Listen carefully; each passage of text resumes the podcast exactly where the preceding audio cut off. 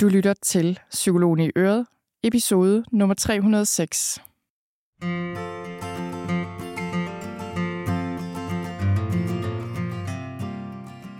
Velkommen til Psykologen i Øret. Jeg er psykolog Birgitte Sølstein, og Øret, det er dit.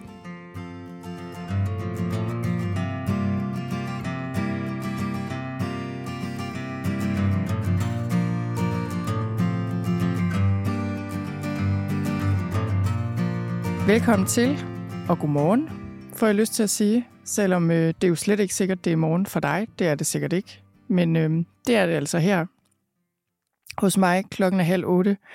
Og jeg vil sige, at det er ekstremt sjældent, jeg indtaler en podcast-episode så tidligt om morgenen. Jeg er ellers ret så meget af menneske, så det kunne jeg egentlig sagtens, men øh, jeg har en familie, som, øh, som lige skal ud af døren, og øh, de tog tidligt afsted her til morgen. Og så tænkte jeg, ej, jeg hopper lige op og, øh, og indspiller den her episode til jer, som jeg allerede forberedte i går.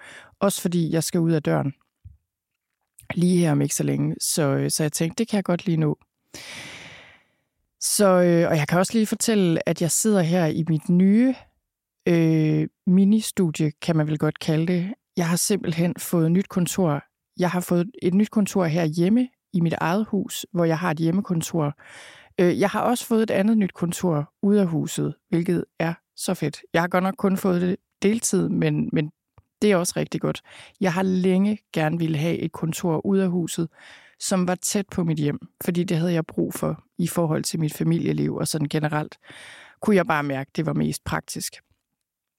Det har været lidt svært at opstøve det, jeg gerne ville have, men nu fik jeg mulighed for at, at dele et kontor med en anden, og øh, det ja, det er en hel ting i sig selv. Det kan være, at jeg skal fortælle om det en anden dag. Nå, men så har jeg også fået nyt kontor herhjemme, fordi vi lavede en omrokering af nogle børneværelser og nogle ting og sager. Hvilket vil sige, at jeg endelig har kunne rykke ind øh, i øh, et rum her i vores hus, som egner sig rigtig godt til kontor, fordi jeg har kunne i den ene ende indrette et kontorhjørne med skrivebord og alle de der ting, hvor jeg kan sidde og kigge ud af et vindue ned på vores skovsø, som ikke er vores, men vi bor lige op ad skoven. Og det er bare, det er simpelthen et lille, virkelig, virkelig skønt kontorhjørne. Og i den anden ende af kontoret, det er langt nok til, at, at jeg her har kunne indrette et studie sådan lidt mere rigtigt, end jeg har haft før. I mit andet kontor, der var det, der havde jeg også noget sådan lidt studieagtigt, men ikke på den her måde. Jeg har også haft en lydmand til at hjælpe mig med lige at indrette det og finde de rigtige materialer, og så har min mand sat det op her i weekenden.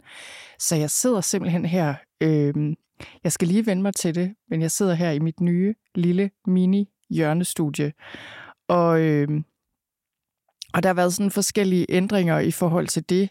En af de ting, jeg, øh, jeg skal gøre fremover, som øh, jeg også øh, snakkede med den her lydmand om, som hjælper mig, det er, som hjælper mig, det er, at jeg skal...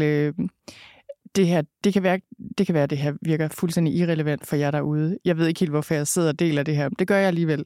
Nå, det er, at jeg fremover kan optage min podcast uden høretelefoner på hvilket jeg ellers i årvis har gjort, fordi jeg havde fået at vide, at det skulle jeg, eller ligesom. Altså, at det var bedst af en eller anden grund. Jeg, jeg ved ikke engang, hvorfor det var bedst, men i hvert fald var der en eller anden, der fik mig forklaret i sin tid, at det var sådan, jeg skulle gøre, og det tog mig 100 år at vende mig til at sidde og tale ind i mikrofon, samtidig med, at jeg kan høre min egen stemme, ligesom i høretelefonerne.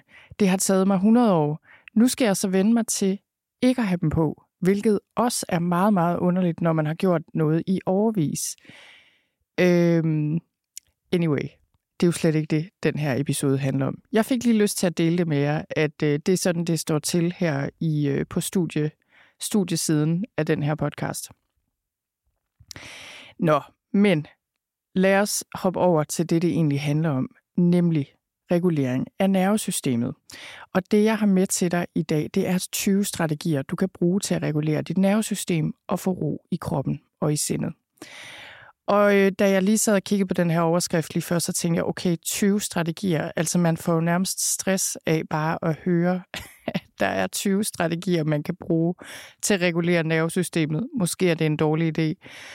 Øhm, men, men meningen med den her liste er selvfølgelig at give dig forskellige teknikker og strategier, du kan bruge til at regulere dit nervesystem.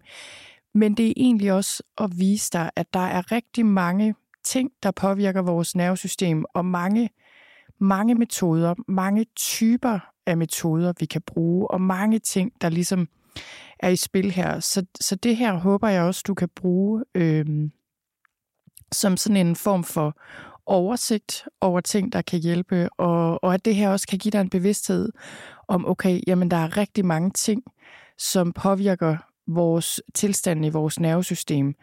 Øhm, ja, og det kommer vi jo til lige om lidt, hvad det er for nogle ting. Men altså, regulering af nervesystemet, hvorfor er det vigtigt? Man kunne også kalde det håndtering af stress. Øh, så, så det her med at regulere nervesystemet, det er noget, vi gør hele tiden, bevidst eller ubevidst, og nervesystemet regulerer også sig selv. Det er det designet til fuldstændig, så det er ikke noget, du som udgangspunkt behøver at tænke så meget over. Problemet er, når vi bliver stresset for eksempel, eller det kan også være, øh, nu kommer jeg til at tale mere om, mest om stress her. Så, øh, så hvis du er stresset, så er det klart, så kan du have brug for at regulere dit nervesystem. Men det kan også være, hvis du bliver meget vred. Det kan være, hvis du føler dig overvældet. Du føler en, altså oplever en følelse af panik. Øh, en eller anden oplevelse, du ikke kan rumme. At du oplever, at klappen går ned. At du får et chok, eller oplever frygt eller angst. Øh, at bliver meget, meget nervøs. Altså alle de her ting, hvor man kan sige, at vi bliver presset og stresset på en eller anden måde. Og, øh, og igen, nervesystemet er bygget til at regulere sig selv. Men nogle gange har vi brug for at gøre noget ekstra for at hjælpe nervesystemet tilbage i balance. Og, øh, og man kan sige, hvor, hvorfor alt det her med nervesystemet? Hvad er nu det for noget? Det kan være, at du sidder og tænker lige nu, jamen regulering af nervesystemet, det lyder meget teknisk. Hvad handler det overhovedet om? Når vi taler om regulering i nervesystemet, så, så gør vi det, fordi nervesystemet er et centralt system i kroppen, der regulerer både din fysiologi, altså kroppen, og din psykologi, sindet. Så det vil sige, når du gerne vil hjælpe kroppen og sindet tilbage i balance og tilbage i det, jeg vil kalde en god regulering, så er nervesystemet en nøgle til begge dele, altså både ro i kroppen og i sindet. Og, øhm, og jeg kommer til, jeg siger selvfølgelig ro, og det gjorde jeg også lige her, men jeg siger også det her med tilbage i en god regulering, eller tilbage i balance. Fordi det er ikke så meget, at vi skal gå rundt og være super rolige og i totalt send-mode hele tiden. Det er ikke så meget det. Det er mere, at vi skal tilbage til et sted, hvor nervesystemet er inde i en god regulering. Altså hvor det selv kan regulere op og ned og håndtere udfordringer og blive lidt udfordret og så falde tilbage igen. Altså, du kan nok se, hvad jeg mener her. Så vi vil gerne have det her, den her gode regulering i nervesystemet. Øh, men meget ofte, og i hvert fald i forhold til det, jeg vil tale om her, når vi taler om stress, så er det jo det der med, at vi er for stressede, og vi har brug for at få noget mere ro på. Så, øh, så det er det, vi skal tale om her. Og det er noget, jeg også har talt om før, selvfølgelig her på podcasten. Det er noget, jeg arbejder med øh, rigtig meget. Mit speciale er stress og angst, så det vil sige, langt hen ad vejen er mit speciale også regulering af nervesystemet. Og det er min erfaring, at øh, når vi taler om stress og det her med at komme os over stress og blive gode til at håndtere stress, så er der en række specifikke reguleringsstrategier, eller ligesom typer af reguleringsstrategier. Der er en række af dem, vi skal mestre for at kunne finde ro og for at kunne trives i det hele taget. Og de strategier, eller de, de typer af strategier, det er dem, jeg lærer fra mig på en systematisk måde i mit forløb ro. Øh, der bruger vi otte uger på simpelthen at arbejde os igennem og ligesom forstå de her teknikker og arbejde med dem og tilegne os dem og finde ud af, okay, hvad passer til mig præcis, hvornår kan jeg bruge hvad. Så, men her i den her podcast episode, der, der kommer jeg mere overordnet ind på de her forskellige typer af strategier og fortæller dig om dem på sådan lidt mere overordnet måde.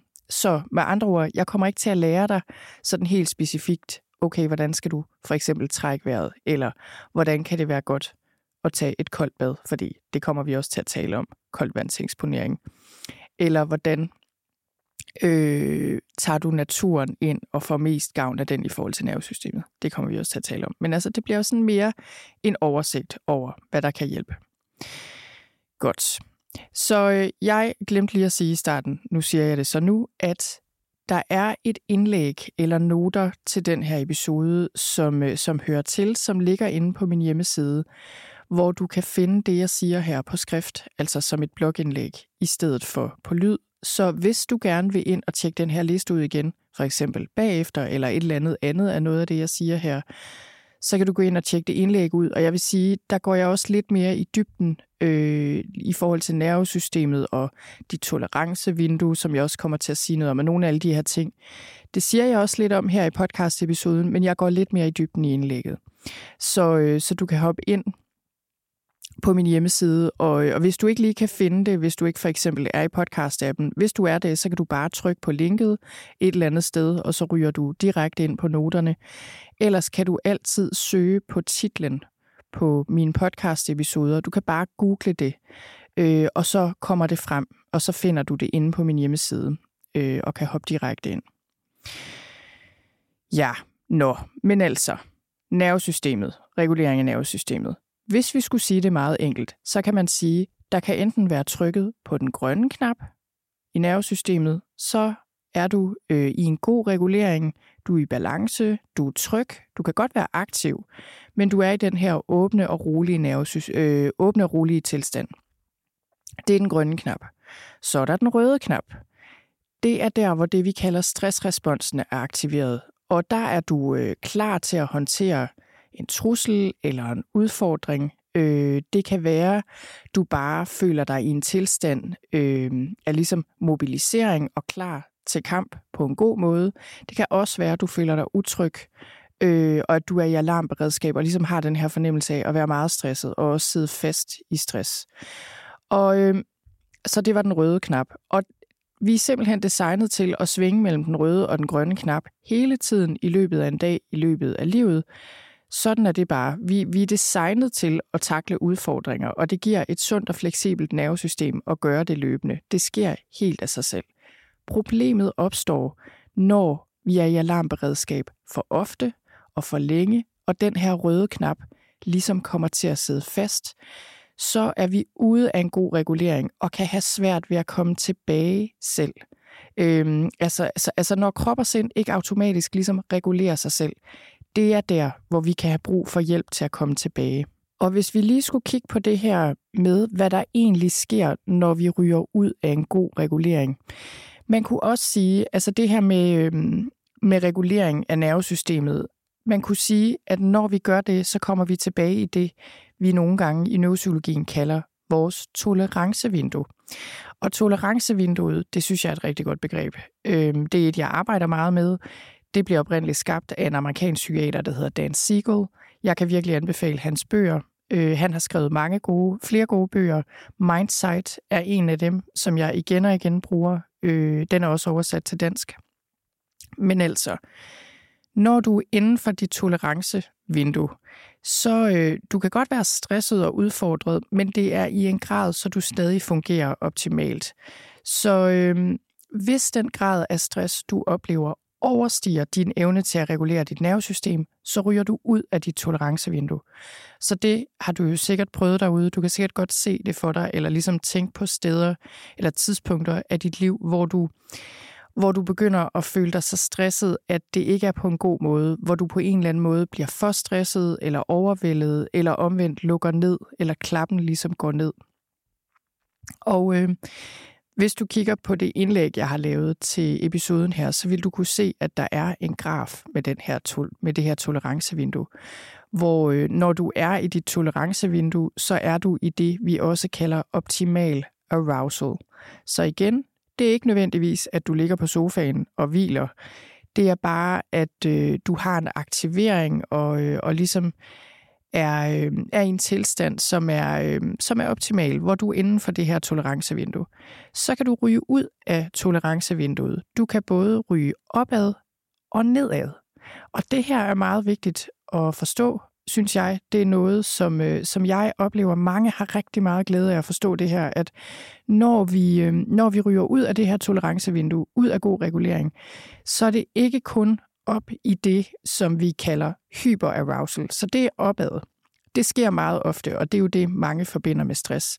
Det er, når vi føler os i alarmberedskab, klar til kamp eller flugt. Intense fysiske fornemmelser vil vi tit have alle mulige slags frygt, vrede, øh, hjertebanken, musklerne spændes. Måske kan vi ikke sove, fordi vi er så stressede. Så det er den her aktiverede tilstand af alarmberedskab. Så det er, det er en typisk måde at ryge ud af tolerancevinduet på, opad. I, inde i mit hoved er det i hvert fald opad, fordi det er ligesom, vi bliver overaktiveret. Men så kan vi også ryge nedad og blive underaktiveret, og det kalder vi hypoarousal. Det er faktisk en endnu højere grad af stress eller af frygt, kunne man også sige, sådan rent neurobiologisk. Men på overfladen kan de ligne ro, øh, faktisk. Så, så her lukker nervesystemet og kroppen ned. Vi bliver mere ubevægelige. Nogle gange kan vi endda have det, som om vi ikke kan bevæge os, øh, eller ikke rigtig kan stå på vores ben.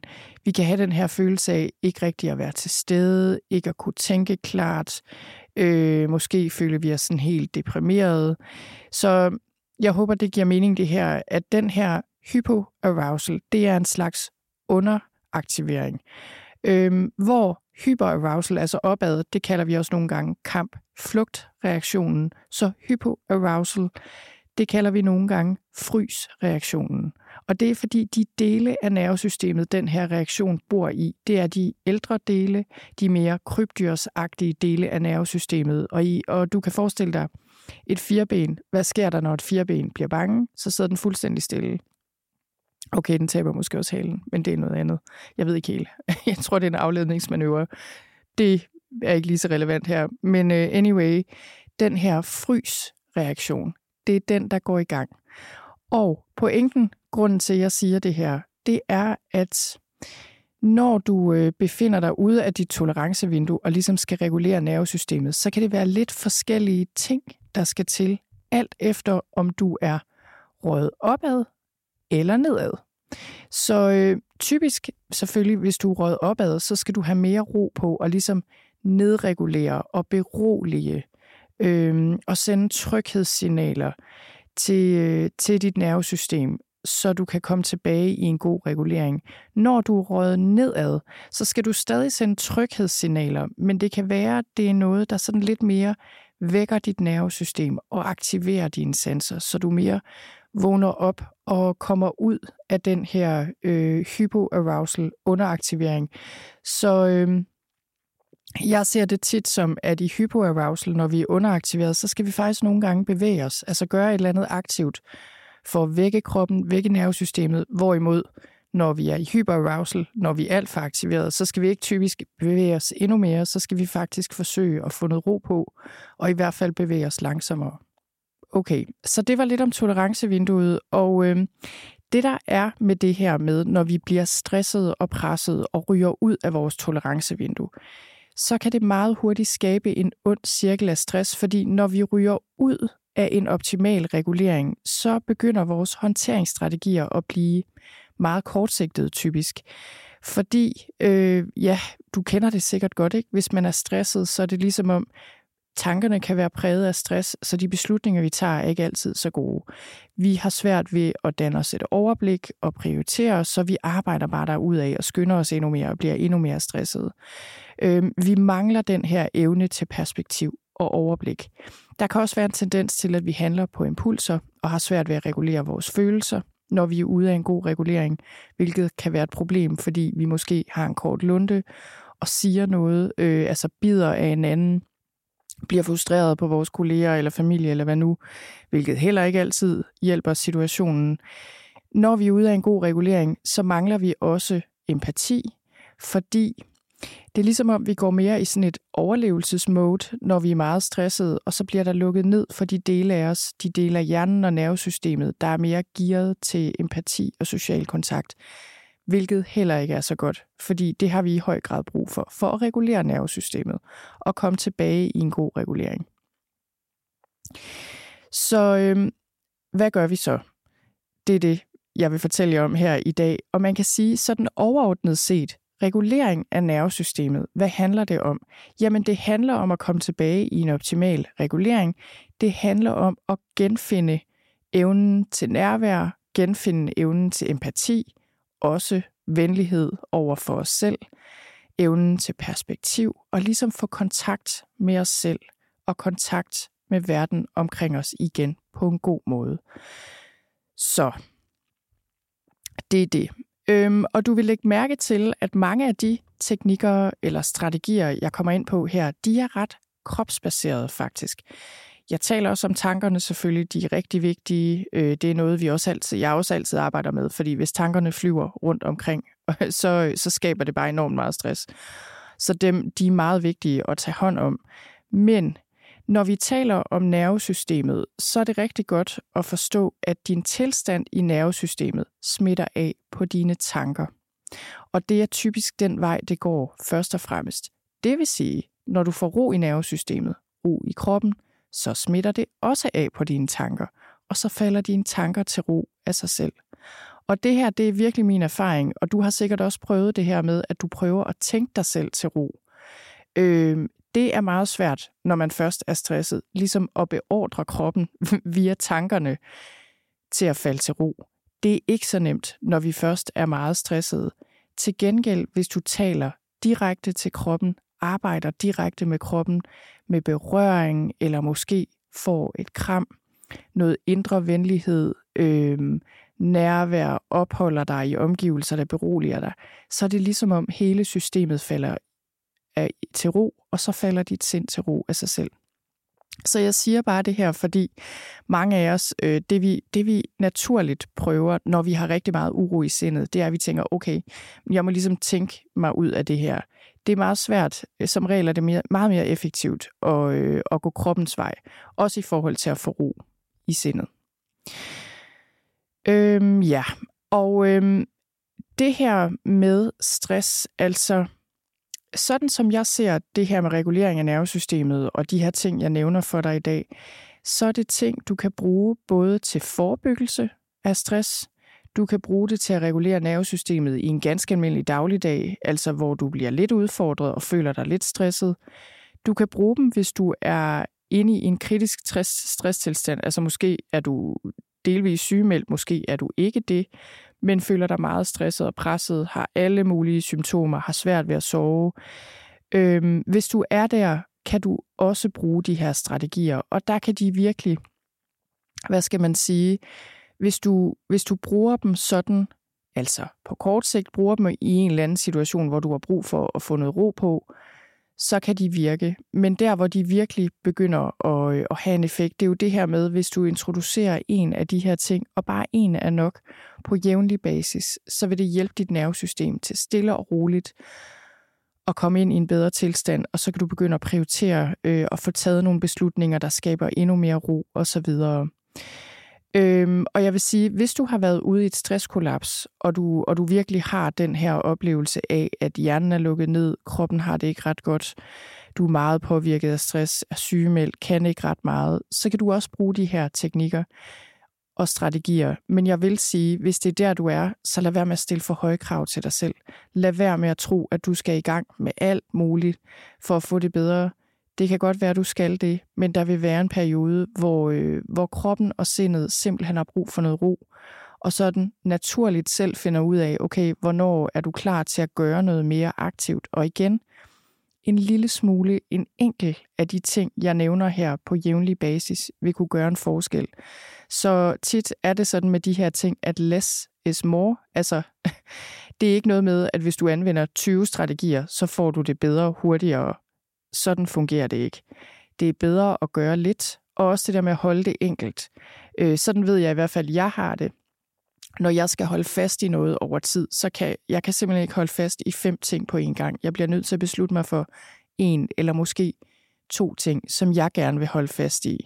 Og jeg kan sige for mig lige for tiden, øh, nu er det ikke fordi, jeg føler mig specielt stresset, men for at undgå at blive det, og for at have noget at stå imod med, så noget af det, jeg bruger på jævnlig basis, det er koldvandseksponering, som vi kommer til at tale om, som jeg nævner her. Det vil jeg gerne gøre en til to gange om, øh, om ugen, året rundt. Det er ikke altid, det lykkedes, men som hovedregel gør det. Og så en lille stille stund med meditation, hvor jeg lige skriver lidt, og, øh, og bare lige sådan har en lille stille stund, kort stille stund, allerførst på dagen, er de to ting, det, det er de to ting, jeg virkelig prøver at holde fast i. Så er der også øh, motion og bevægelse. Altså, der er jo mange andre ting, jeg også gerne vil gøre for at passe på mig selv. Men jeg kan mærke inde i mit hoved, at øh, det der med en eller to ting, det er, øh, det er bedst at holde sig til det. Især hvis man selvfølgelig allerede er meget stresset. Så skal man passe på med ikke at, øh, at tro, at man skal en hel masse. Nå. Øhm, ja. Som jeg lige sagde i mit forløb ro, der har jeg ligesom der har vi det, vi kalder de tre porte til ro og regulering i nervesystemet. Det er kroppen, det er tankerne, og så er det regulering af følelser og regulering af relationer. Det sagde jeg vist ikke, men nu ser jeg det så nu. Men grunden til, at jeg lige siger det her igen, det er fordi, de her øh, strategier, jeg nævner for dig her, de kan puttes ind i de her tre overordnede kategorier. Kroppen, tankerne og regulering af følelser, og også regulering i relationer, koregulering, følelsesmæssig regulering. Øh, de tre sådan overordnede typer. Så det kan måske også hjælpe lidt til at holde det her lidt enkelt og tænke, okay, det, vi, er ligesom, vi er ligesom inde i, øh, i tre sådan over, overordnede kategorier her. Så det sidste, jeg vil sige, inden vi hopper videre til selve strategierne, det er lige, og øh, jeg vil lige invitere dig til at tage et tjek med dig selv og overveje, hvad gør du egentlig, hvis du er stresset eller har det dårligt? Øhm, de fleste af os har en trang til bare at finde noget, der kan hjælpe med det samme. Så finde en eller anden kortsigtet strategi. Og det kommer vi alle sammen til at gøre. Et eller andet, hvor vi prøver at finde noget ro, som måske ikke rigtig hjælper os på sigt, men som dulmer stress øh, og måske dulmer følelser på kort, tid, øh, på kort sigt. Og, øh, og jeg vil invitere dig bare lige til lige at overveje, okay, hvad kommer du typisk til at gøre, hvis der er et eller andet, du kommer til at gøre for at regulere nervesystemet, som ikke rigtig hjælper dig. Og her er bare et par eksempler på ting, vi typisk øh, kan finde på at gøre. Nogle af os har en tendens til at bekæmpe stress med stress, blive endnu mere hektiske, føle, vi skal nå endnu mere, give op. Nogle af os tager et glas rødvin hver eftermiddag for lige at finde ro. Det kan være, at vi bliver vrede og har en kort lunde og langer ud efter folk omkring os. Det kan være, at vi bruger motion til at, øh, at træne meget hårdt. Det er jo ikke, fordi der er noget i vejen med motion, men nogle gange øh, bruger vi træning på en måde, hvor vi faktisk udmatter og stresser os selv endnu mere med træning, men hvor det også ligesom dulmer vores følelser, og hvor vi bruger det som en flugt. Det kan være, at du isolerer dig, i stedet for at række ud. Øh, det kan være, du altid lige tjekker sociale medier, eller tjekker et eller andet på din smartphone eller din computer, som også giver dig sådan den her adspredelse øh, og umiddelbar afledning. Det kan være, at du bruger medicin eller noget andet for at dulme nerverne. Øhm, det kan også være, at du undgår stress fuldstændig og undgår alle situationer, hvor du bliver udfordret eller stresset. Øhm, og det her er også en meget uheldig strategi, som, øh, som vi kan have. Og det er ikke fordi, nogle, vi skal jo undgå stress, hvis vi kan, i et eller andet omfang. Og hvis vi er meget belastet af stress, så, så bliver vi nødt til at, at have en periode med ro. Men det er mere det der med, hvis vi tænker, at det at håndtere øh, stress, og når vi kan mærke, at vi bliver udfordret, at vi så automatisk trækker os og undgår situationer, det er ikke så godt, fordi så kommer vi til at undgå selve de ting, der giver mening i vores liv.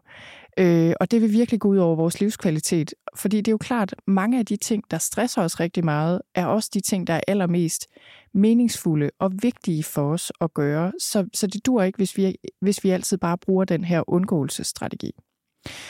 Så igen, jeg vil bare lige invitere dig til at overveje, hvad har du tendens til at gøre? Jeg kan i hvert fald sige for mit eget vedkommende, jeg kan godt lave en lille, lille liste over ting, jeg meget nemt kommer til at gøre, hvis jeg ikke er ops på det, og det er jo helt fint, og jeg tænker jo, det er jo fuldstændig naturligt at gøre det her en gang imellem, og det er da helt okay at tage et glas vin fredag eftermiddag, hvis man lige har brug for at slappe af med det. Det er jo ikke det. Øh, det er jo mere det der med, hvis det går hen og bliver et mønster, og hvor, og hvor du kan se, okay, det her, det gør ligesom mere skade end gavn. Ja, og så øhm, det sidste, jeg vil sige her, for os ligesom at, at forklare, okay, hvad handler det her overordnet set om, så du kan få en fornemmelse af. Det kan godt være, at jeg lige nævner 20 forskellige strategier her, men egentlig handler det dybest set om det samme. Og det, det handler om, det er som jeg også sagde øh, lige her før, det her med forbindelse. Altså, at vi på en eller anden måde forbinder os med os selv og med verden.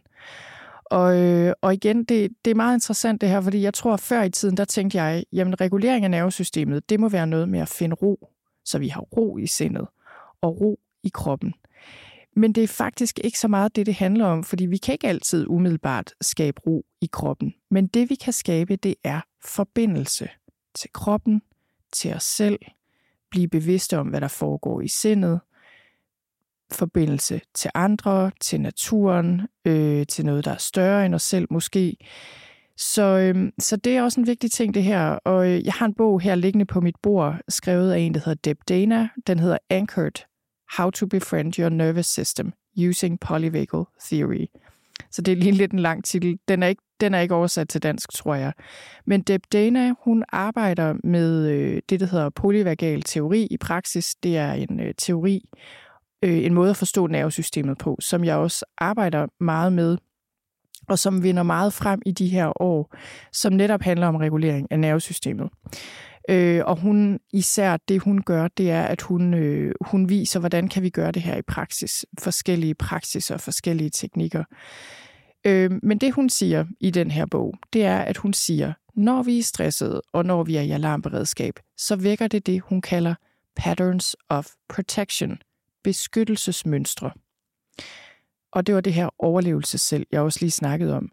Og så siger hun, at tryghed fremmer patterns of connection, forbindelsesmønstre. Og jeg synes, det er en god måde at se det her øh, på, at når vi er stressede og utrygge, så mister vi hurtigt forbindelsen til os selv og til andre. Til gengæld så kan vi regulere vores nervesystem og bevæge os i retning af tryghed og ro og god regulering ved at praktisere forbindelse på forskellige måder. Så det kan være forbindelse med kroppen, forbindelse med åndedrættet, øh, forbindelse mellem tanker og følelser for eksempel, forbindelse til andre mennesker, øh, forbindelse til jorden og naturen, forbindelse til sanserne. Altså, så, så som jeg ser det, så god og holdbar regulering af nervesystemet, det handler om at bevare forbindelsen eller genetablere forbindelsen, når vi er stressede. Så vi ikke flygter fra os selv, så vi ikke flygter fra situationer og isolerer os. Fordi det kommer vi jo meget nemt til, og det får vi det ikke bedre af. Så, okay. Nå. Nu fik jeg vist sagt her til en start, at jeg ikke ville, øh, ville gå så meget i dybden med alle de her ting. Det gjorde jeg så rimelig meget alligevel. Det er typisk mig. Det kan jeg åbenbart ikke lade være med. men men øh, om ikke andet, så er vi nået til de her 20 strategier, som hjælper dig med at regulere nervesystemet. Og igen, jeg kommer til at gå rimelig hurtigt igennem dem her, fordi der er mange. Øh, og fordi det her også mere tjener som en oversigt. Så lyt med her og mærk efter, er der noget her, der taler specielt meget til dig, som du tænker, ej, det kunne jeg godt tænke mig at dykke mere ned i, eller ej, det tror jeg, jeg skal prøve at bruge som en strategi. Øhm, ja. Lad os springe ud i det. Nummer et. Åndedrættet. Åndedrættet er en rigtig, rigtig god måde at regulere nervesystemet på. Åndedrætsøvelser, hvor du trækker vejret langsomt og rytmisk, hjælper dig med at regulere dit nervesystem. Og det er jo det der med, når vi er stressede, så har vi en tendens til at trække vejret meget overfladisk, Øhm, så når du fokuserer, alene det at fokusere på dit åndedræt og komme i kontakt med det, skabe forbindelse til det, det vil automatisk gøre dit åndedræt langsommere, og det vil automatisk regulere dit nervesystem, som så igen får kroppen til at slappe af, som så igen får sindet til at slappe af. Nummer to er beroligende berøringer.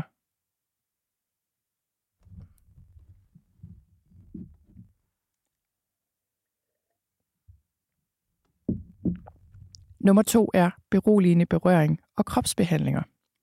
Så igen, det her med kroppen, det er en rigtig god vej til at regulere nervesystemet.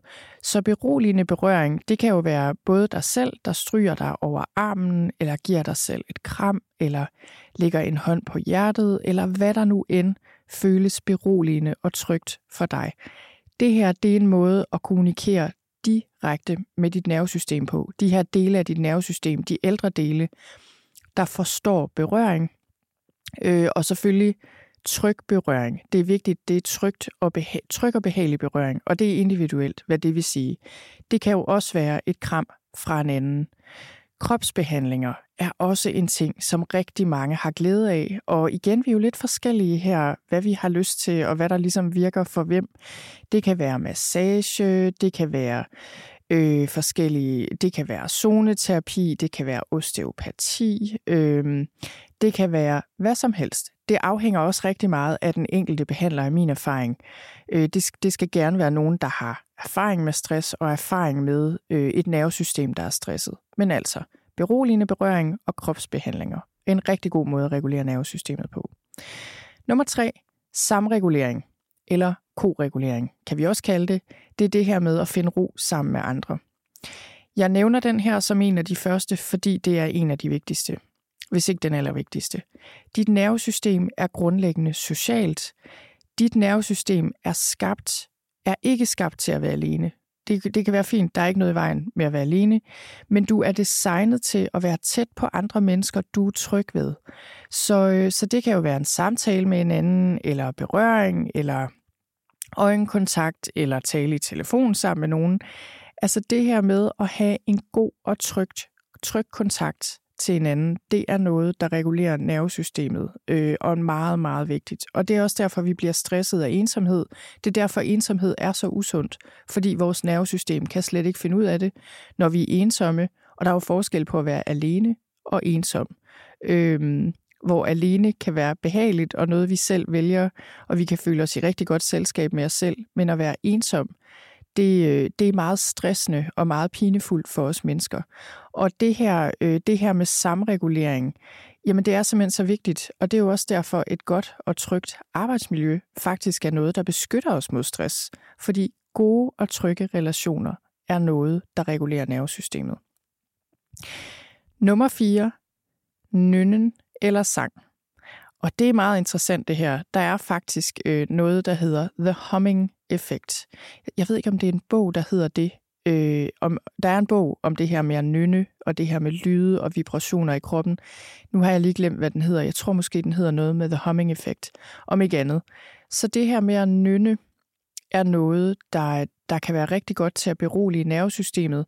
Det er jo også noget, man har brugt i yogatraditionen i forskellige typer øh, af meditationer, hvor man siger lyde og de her mantraer og brummelyde, og, og der er også det, der hedder klangmassage og gongbad og alle de her ting, hvor vi øh, på forskellige måder sådan skaber vibrationer og lyd i kroppen, og det at nynne er noget, øh, som stimulerer det, der hedder din vagusnerve. Det er en af de meget vigtige nerver i centralnervesystemet, går fra hjernestammen og ned i kroppen. Den er meget lang, den vandrer rundt øh, til alle vigtige organer og påvirker.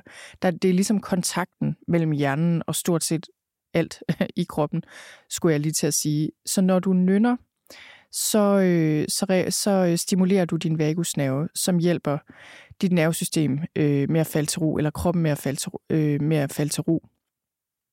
Og, øh, og det er det samme med sang, og især også sang med andre, og musik og lyde i det hele taget, kan hjælpe dig med at regulere dit nervesystem.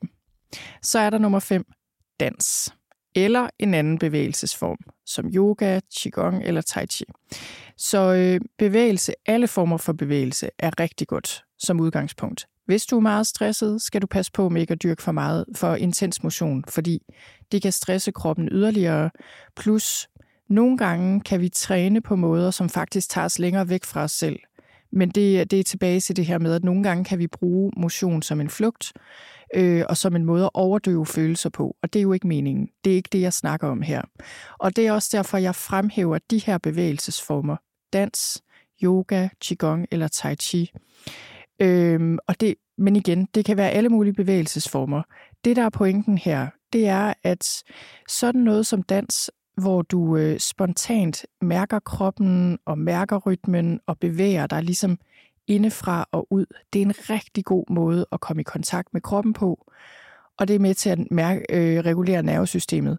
Det jeg oplever med dans, det er, at øh, når vi er meget stressede, så, kan vi, så har vi simpelthen energi, der sådan er indestængt eller sidder fast steder i kroppen, vi måske ikke engang har adgang til. Og det at bevæge kroppen i dans, det er simpelthen en, for mange mennesker en rigtig, rigtig god måde at begynde at give slip på noget af al den her overskydende energi. Så er der Tai Chi og Qigong og yoga. Det er rigtig gode bevægelsesformer, fordi jamen, af mange forskellige årsager. Du bevæger dig rimelig langsomt i de her øh, i de her bevægelsesformer. Der er fokus på åndedrættet, der er fokus på at afspænde nervesystemet, der er fokus på øh, at være bevidst til stede i bevægelserne, som igen det her med forbindelsen til os selv, forbindelsen til kroppen. Øh, jeg er uddannet Qigong-instruktør, og Qigong er en del af ro, fordi jeg har oplevet, at Qigong, yoga er også en del af ro, øh, men for mit vedkommende har jeg uddannet mig til Qigong-instruktør, fordi jeg simpelthen oplevede, at den langsomme bevægelsesform, det er de her langsomme kampsportsagtige bevægelser, øh, der, der er noget med det, som, som hjælper os til at regulere nervesystemet, som jeg oplever kan noget helt særligt. Men igen, det er individuelt. Nå, nummer 6, meditation. Så det her er jo også en stor overordnet kategori. Der findes mange typer af meditation, men generelt set øh, er meditation en fantastisk måde at stille sindet på, få ro i kroppen, regulere nervesystemet, træne opmærksomheden, øh, træne vores evne til nærvær, som igen skaber forbindelse til os selv og til nuet. Og øh, det er jo det her med meditation er jo meget enkelt. Altså det kan det være i hvert fald. I min verden skal det helst være meget enkelt. Men bare fordi det er enkelt, er det jo ikke nemt. Og det, der ikke er nemt, en ting er, at det kan være svært at meditere i praksis. Noget andet er, at det er svært at holde fast i en praksis over tid. Så, øh, så det er udfordringen her, men meditation er øh, virkelig, oplever jeg, medicin, når det kommer til stress. Det handler om at finde den rigtige type af meditation, og, øh, og selvfølgelig er det heller ikke for alle, og derfor er der også mange andre måder, du kan regulere nervesystemet på. Nå, nummer syv, mindfulness-baserede øvelser og nærværsøvelser. Og øh, mindfulness er noget, som mange måske forbinder med meditation, hvilket vi kan også lave mindfulness-meditationer, klassisk, hvor vi sidder og for eksempel fokuserer på åndedrættet, eller hvad nu. Men vi kan også lave alle mulige andre typer af øvelser og aktiviteter, hvor mindfulness er målet, altså nærvær er målet.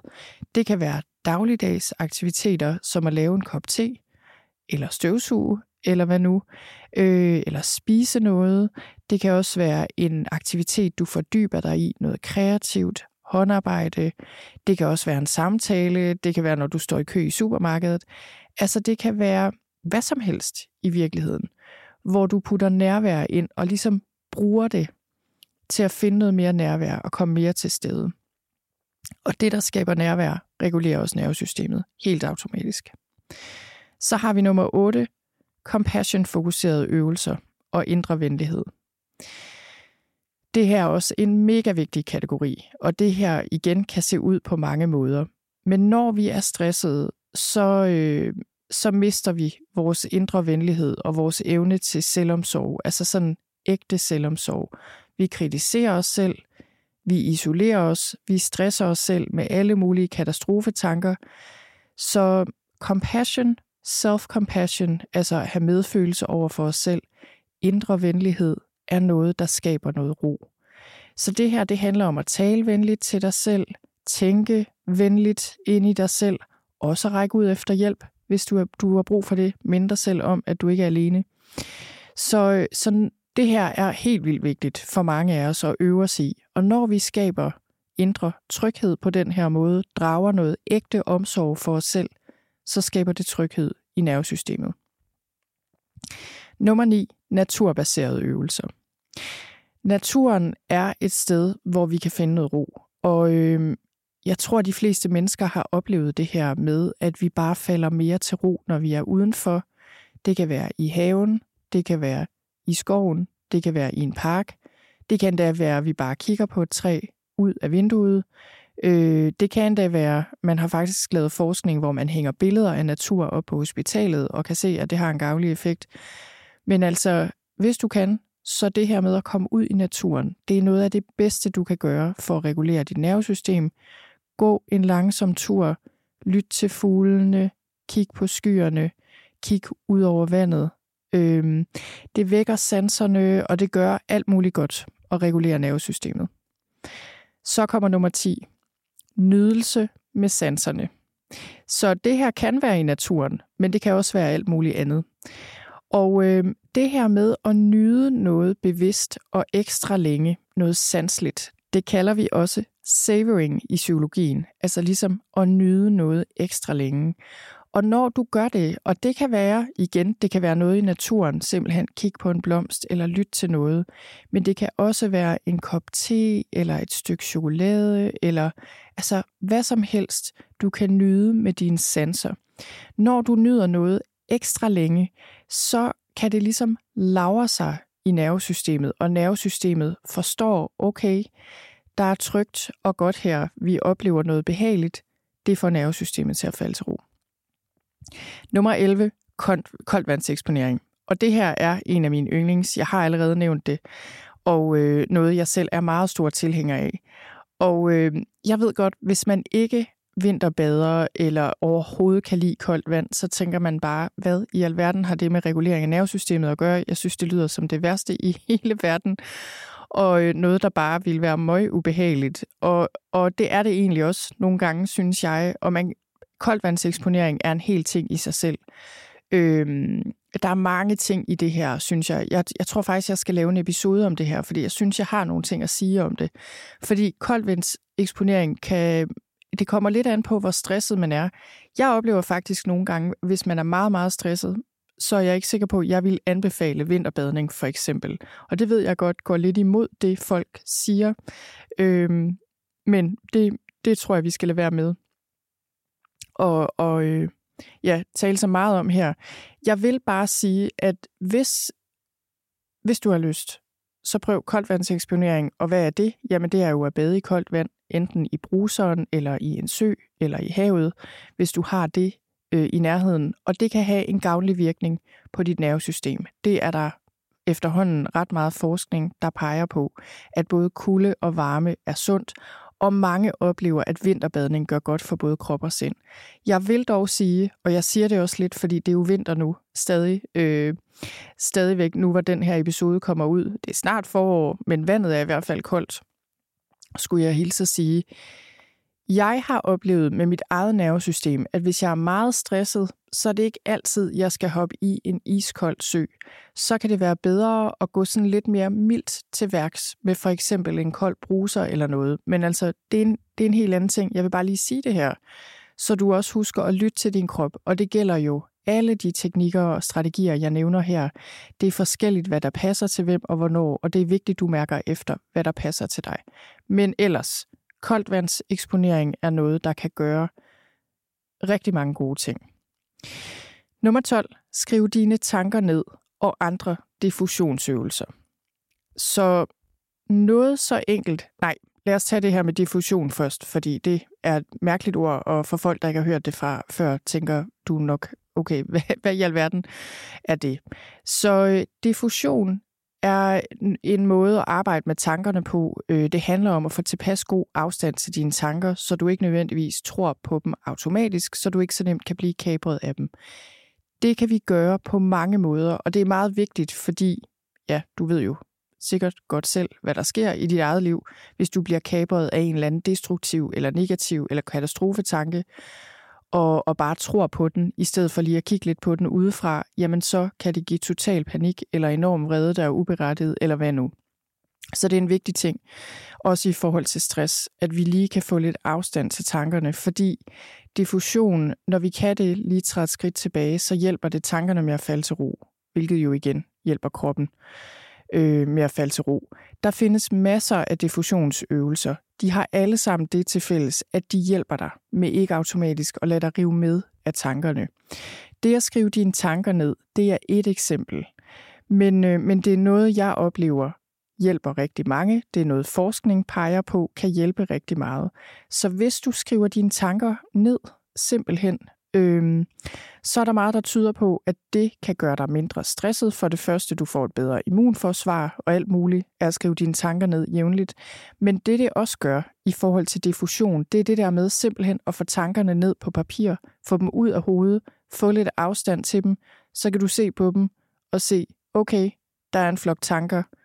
Øh, det er, hvad det er. De er ikke nødvendigvis sande. De var i mit hoved. Nu er de på papiret, og nu har jeg lige lidt mere afstand til dem. Og igen, det er en af de her ting, der virkelig kan hjælpe os med at få ro i sindet, og når vi får ro i sindet, så regulerer det nervesystemet. Nummer 13. Afspændinger, hypnoser og visualiseringer. Så det her er sådan en kategori også, som, øh, som man kunne sige, jeg vil nok kalde det, jamen afslappende øvelser. Så afspændinger, det er jo de her, vi kan lytte til, blive guidet igennem øh, en systematisk afspænding af musklerne for eksempel. Hypnoser, øh, det er, hvor vi bringes i en let trance, vil jeg jo sige, men det er på mange måder lidt det samme. Igen kan give afslappning og god regulering af nervesystemet, visualiseringer, hvor vi bruger vores forestillingsevne til at forestille os noget behageligt og afslappende. Altså de her ting, afspændinger, hypnoser, visualiseringer, det, øh, det er virkelig noget, der kan hjælpe os med at slappe af og regulere nervesystemet. Nummer 14. Brug dine hænder til noget kreativt eller praktisk. Så det her med jamen, kreativitet egentlig i det hele taget, øh, kreative sysler, håndværksmæssige sysler, vi kalder det craft-psykologi i psykologien. Det er noget, der, øh, der bliver talt om en del efterhånden. Heldigvis. Jeg, jeg kan huske, at øh, da jeg blev uddannet psykolog, det er efterhånden øh, 15 år siden eller noget, der var det her sådan med kunstterapi og craft-psykologi, det var sådan meget alternativt. Det er det slet ikke i dag, hvilket er en god ting, fordi det er jo noget, som, øh, som er tilgængeligt for alle, og som mange vil opleve, er noget, der virkelig kan hjælpe os til at få det bedre, og i det hele taget stress af, og, og ligesom bevare en god, øh, øh, altså bevare, eller hvad skal man sige, genvinde ro i krop og sind. Så det her kan være alt muligt. Det kan være tegne, male, strikke, det kan også være at lave mad. Altså, det kan være hvad som helst. Men noget kreativt eller praktisk, et eller andet, du foretager dig med hænderne, kan også hjælpe dig til at regulere nervesystemet. Nummer 15. Mad og vand. Så der er det her er for mig en selvfølge, men jeg tror, der er mange, der ikke tænker så meget over, at selvfølgelig det, vi spiser og drikker, det påvirker nervesystemet direkte, fordi det påvirker jo kroppen. Øh, og det, du spiser og kommer ned i maven, det, øh, det påvirker dit nervesystem meget direkte af forskellige årsager, både fordi der produceres signalstoffer i maven, det er derfor, den kaldes den anden hjerne, men også fordi den her vagusnerve, som jeg nævnte lidt tidligere, den har en direkte kontakt til maven og fordøjelsessystemet. Det vil sige, hvis der er ubalance i din mave, hvis den ikke har det godt, så påvirker det nervesystemet. Så øh, kan vagusnerven ligesom opfatte det og sende signaler til hjernen om, at hallo, der er et eller andet galt her, vi er ikke i så god en tilstand. Derfor er det, vi spiser, vigtigt, og noget, der virkelig kan påvirke nervesystemet. Jeg tror, vi er lidt forskellige her. Det er i hvert fald min erfaring. Jeg er selv en person, som, øh, som har rigtig meget, hvad skal man sige, som er meget sensitiv, tror jeg, i forhold til, hvad jeg putter i, i maven. Det påvirker mit nervesystem enormt meget. Også i den gode retning, når jeg spiser gode ting. Og det her med mad, jeg ved godt, det kan være kontroversielt, og der er masser af diskussioner i forhold til antiinflammatorisk kost, og hvad virker og hvad virker ikke. Jeg tænker jo, at det er fuldstændig logik for burhøns, at selvfølgelig påvirker det os, hvad vi spiser, øh, og at vi drikker vand nok. Men det der med, at der lige skulle være en præcis diæt, der passer til alle mennesker, som alle kan have glæde af, det, det er jeg ikke så sikker på. Øh, jeg tænker, det er noget med at mærke efter, hvad virker for dig, hvad får du det godt af at spise. Og så er der jo bare nogle ting, altså det der med at spise grønt og groft og ikke for meget, og alt det der, som jo altså, gælder for alle. Det siger sig selv. Øhm, jeg vil så også sige forhold til, lige i forhold til det her med mad. Hvis du på en eller anden måde har et forstyrret forhold til mad, har haft en spiseforstyrrelse, har et problematisk forhold til mad, så lad være med at begynde at prøve at styre, hvad du spiser, fordi det kommer der ikke noget godt ud af. Og det ved du sikkert også. Øhm, men det vil jeg bare lige sige for en sikkerheds skyld. Men altså, mad, den mad du spiser, påvirker dit nervesystem, så det kan, det kan virkelig hjælpe dig og, øh, og tænke over, hvad du spiser. Det her med at drikke vand er også vigtigt. Og det, det er bare sådan en enkelt ting, og igen noget, vi nok ikke tænker så meget over. Men dit nervesystem, ligesom resten af din krop og din hjerne, har brug for vand. Så det at drikke vand nok i løbet af dagen, det er virkelig en rigtig, rigtig god måde at, øh, at hjælpe dit nervesystem på, så det kan fungere optimalt. Okay, nummer 16. Søvn. Igen, det her er en af de her basic ting, hvor vi bare tænker, jamen selvfølgelig, men det er jo, jeg tror for mange mennesker er det ikke så meget en selvfølge. Jeg tror i hvert fald mange af os ikke forstår, hvor meget det betyder at sove ordentligt, indtil vi en dag faktisk begynder at sove nok og sove godt, og så føler vi os som et helt nyt menneske, og så tænker vi bare, okay, det var det, der skulle til. Søvn er fuldstændig vigtigt. Jeg burde sikkert have sat det først øh, på listen. Prioriter din søvn. Øh, få et gå i, gå i seng ur. Øh, det har jeg. Jeg har sådan en gå i seng alarm, der ringer klokken halv 10 hver aften, så jeg sørger for at komme i seng til tiden. Få mindst 7-8 timer søvn hver nat. Jeg ved godt, det kan være svært, hvis man ikke kan sove, eller hvis man har børn, eller hvad nu. Men der er ting, vi kan gøre for at prøve at tilstræbe at få en god søvn, i det mindste. Øhm, og, og hvorfor regulerer det nervesystemet, når vi sover nok? Jamen det er fordi, søvn er bare fuldstændig grundlæggende for alle kroppens systemer, også for nervesystemet. Og når du sover, så er det ligesom hjernen rydder op og sorterer i minder og nulstiller sig selv og rydder ud i hjerneceller, alle mulige ting. Og det er det, der gør, at vi føler os friske og veludvilede, når vi vågner efter en god nats søvn. Omvendt, når vi ikke sover nok eller ikke sover godt, så kan du sikkert også skrive under på, jamen så har vi ikke særlig meget energi, men nervesystemet kan også være i den her øh, sådan øh, altså virkelig anspændte tilstand.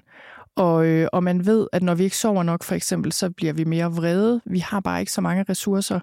Og, øh, og alt sammen er, er bare noget, som, øh, som virkelig påvirker os negativt, og, og derfor er søvn alfa og omega, også for dit nervesystem.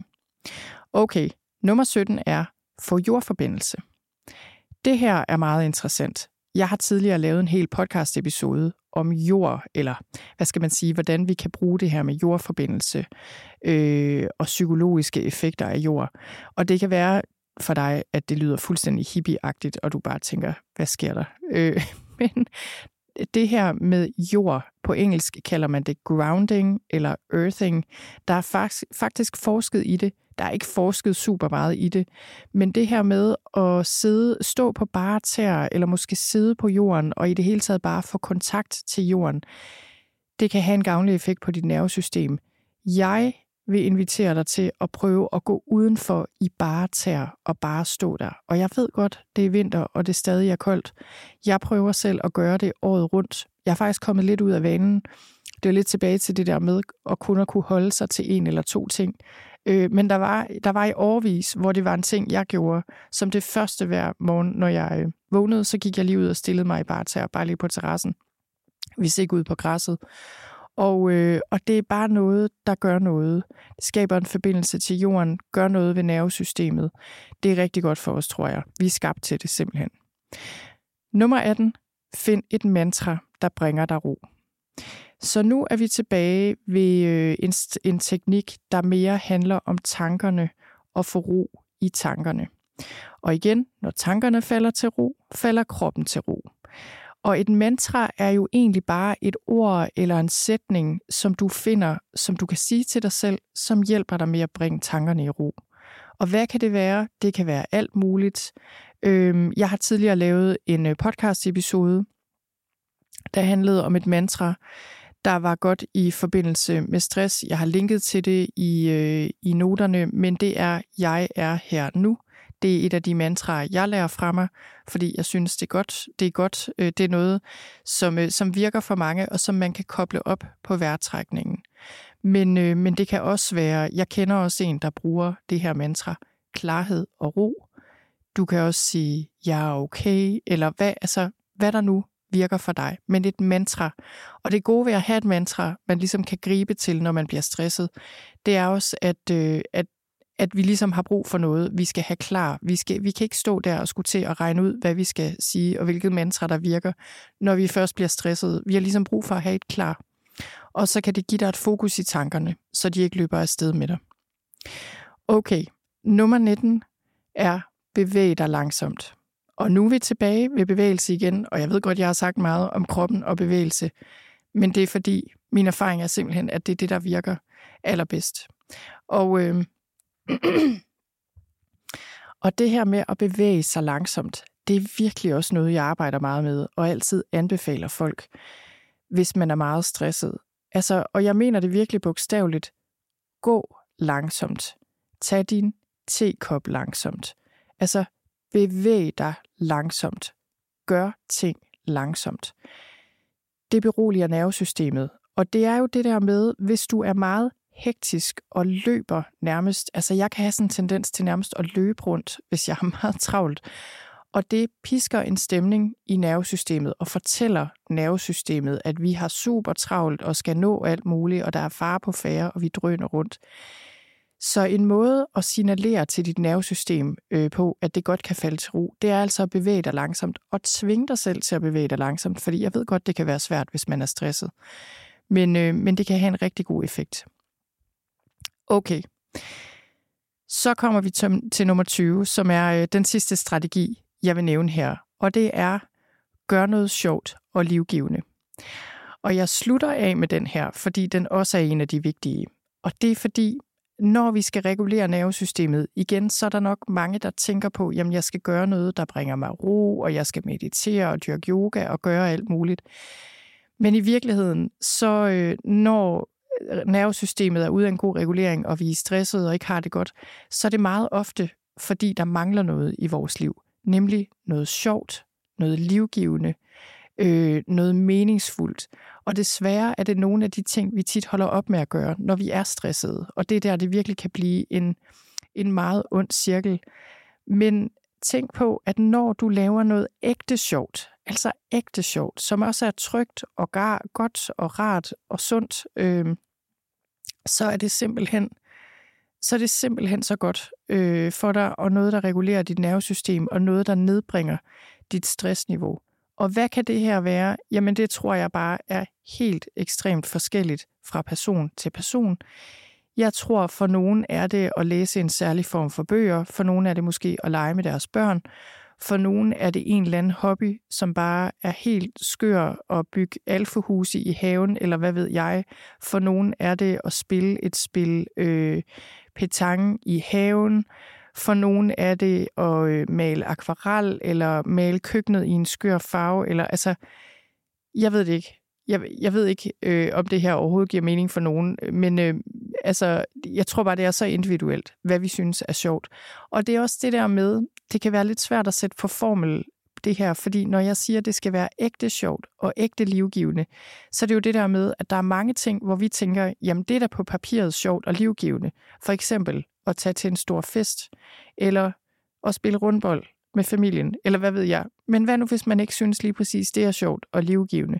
Hvad nu, hvis man synes, det er meget mere livgivende at tage på fisketur med ens nabo eller alene? Altså, så, øh, så det, jeg bare vil minde om her til sidst, i, øh, efter den her efterhånden meget lange liste af ting, du kan bruge til at regulere dit nervesystem, det, her, det er det her med at tænke på, at noget af det allervigtigste, du, du øh, kan gøre her, det er at huske at forbinde dig med ting og mennesker og aktiviteter, som er sjove og livgivende, som simpelthen giver dig god energi.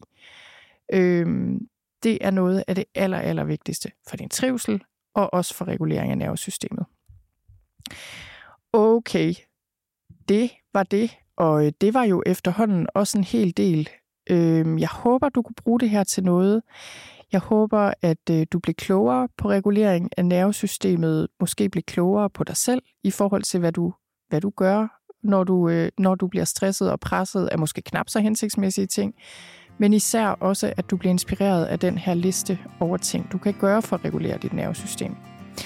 Så det var det. Så vil jeg ellers bare sige tak for nu, og tak fordi du lyttede med.